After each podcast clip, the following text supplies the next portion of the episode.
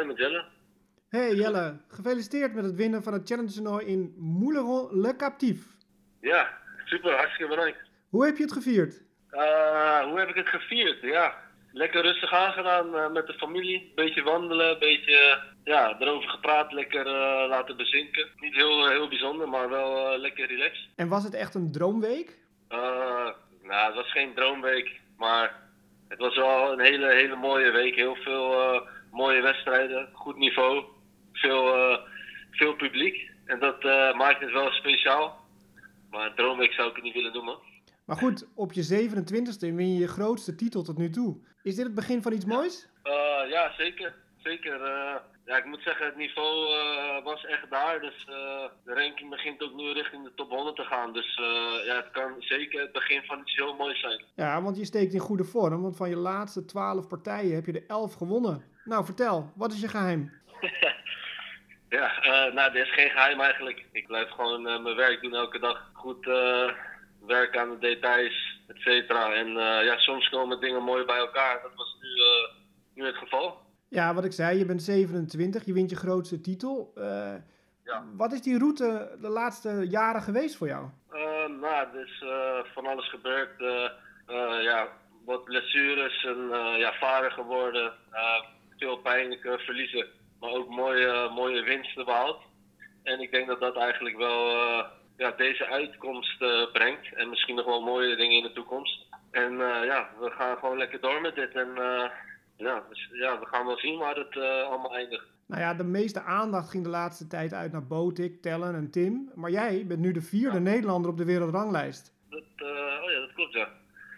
Nou ja, dat is mooi natuurlijk. En nou, begrijpelijk dat de aandacht naar hun gaat ook. We hebben hele mooie resultaten behaald. veel respect voor deze drie jongens. En uh, ja, ik hoop dat ik ook uh, nog mooiere winsten mag boeken de komende tijd. En dat ik ook misschien uh, wat hoger nog kom de ranking en tussen die jongens sta straks. Ja, vind je het werken in de looten wel prettig? Of zeg je van, het is ook nu mijn moment om te shinen? Nou, daar ben ik niet zo erg mee bezig eigenlijk. Ik probeer gewoon elke dag bepaalde punten te verbeteren. En nou, soms is de aandacht wat minder voor je en soms wat meer. Dat is eigenlijk altijd wel met tennis. En ja, je moet gewoon leren in je, in je stof te blijven geloven. En uh, niet naast je schoenen te, te, lopen als het goed gaat. Ik denk dat dat wel uh, een belangrijk punt is voor een tennisser. En uh, ja, dat gaan we nu ook wel weer doen. En nou, ik moet eigenlijk wel zeggen dat ik veel zin heb in de komende paar weken. Ja, je wisselt de laatste tijd dus ITF en Challenger toernooien. Maar wanneer zien we je in een ATP toernooi? ja, dat is een goede vraag. Hopelijk heel snel. ja, hopelijk heel snel. Ik weet niet zo goed wat ik dat ik je anders moet vertellen. Maar als ik zo doorga, dan, uh, dan gaan, gaan we mij snel zien uh, op dat soort toernooien. Ja, want wat zijn je doelen nog dit jaar? Nou, ik had dit jaar niet zo heel veel doelen eigenlijk. Alleen uh, het enige wat mijn doel was, was elke dag alles geven. Dat is tot zover wel gelukt. En daar, ja, ik wil eigenlijk het jaar eindigen met dat mooie doel. En dan kan ik, weet ik zeker dat ik kan terugkijken op een heel mooi jaar. Nou, je bent hard op weg. Je bent gestegen naar plek 141 op de wereldranglijst. Je hoogste positie tot nu toe.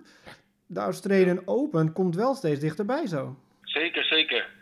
Dus uh, dat, zou, ja, dat is een mooi uh, moment om daar in het hoofdtoernooi te staan. En uh, daar gaan we alles aan doen. En als, als ik begin december mezelf zie in de lijst voor het hoofdtoernooi in uh, Australië, dan uh, nou, ben ik de gelukkigste man op aarde. En dan uh, ja, is er wel iets moois gebeurd, inderdaad. Ja, je bent nog fris zo aan het einde van het seizoen? Ja, zeker, zeker. Er komen nog wat toernooien aan en ik moet zeggen dat ik me niet moe voel of iets. ik probeer ook goed mijn rug te pakken. En ja, ik, zoals ik al eerder zei, ik heb er heel veel zin in de komende tijd.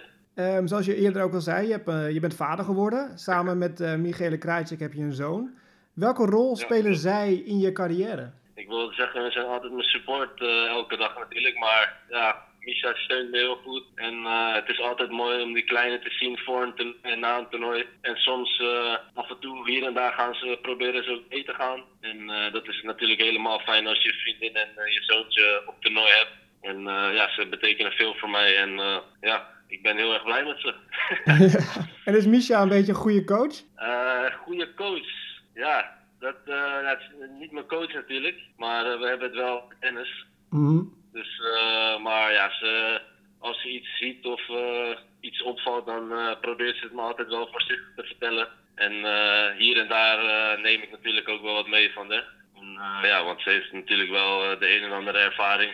En ja, daar ben ik wel blij mee. Ten slotte, hoe zien de komende weken eruit? Je zei je hebt er zin in. Nou, vertel. Ja, uh, nee, gewoon, er komen nog wat challenger aan en misschien uh, ook wat ATP kwalificatietoernooien.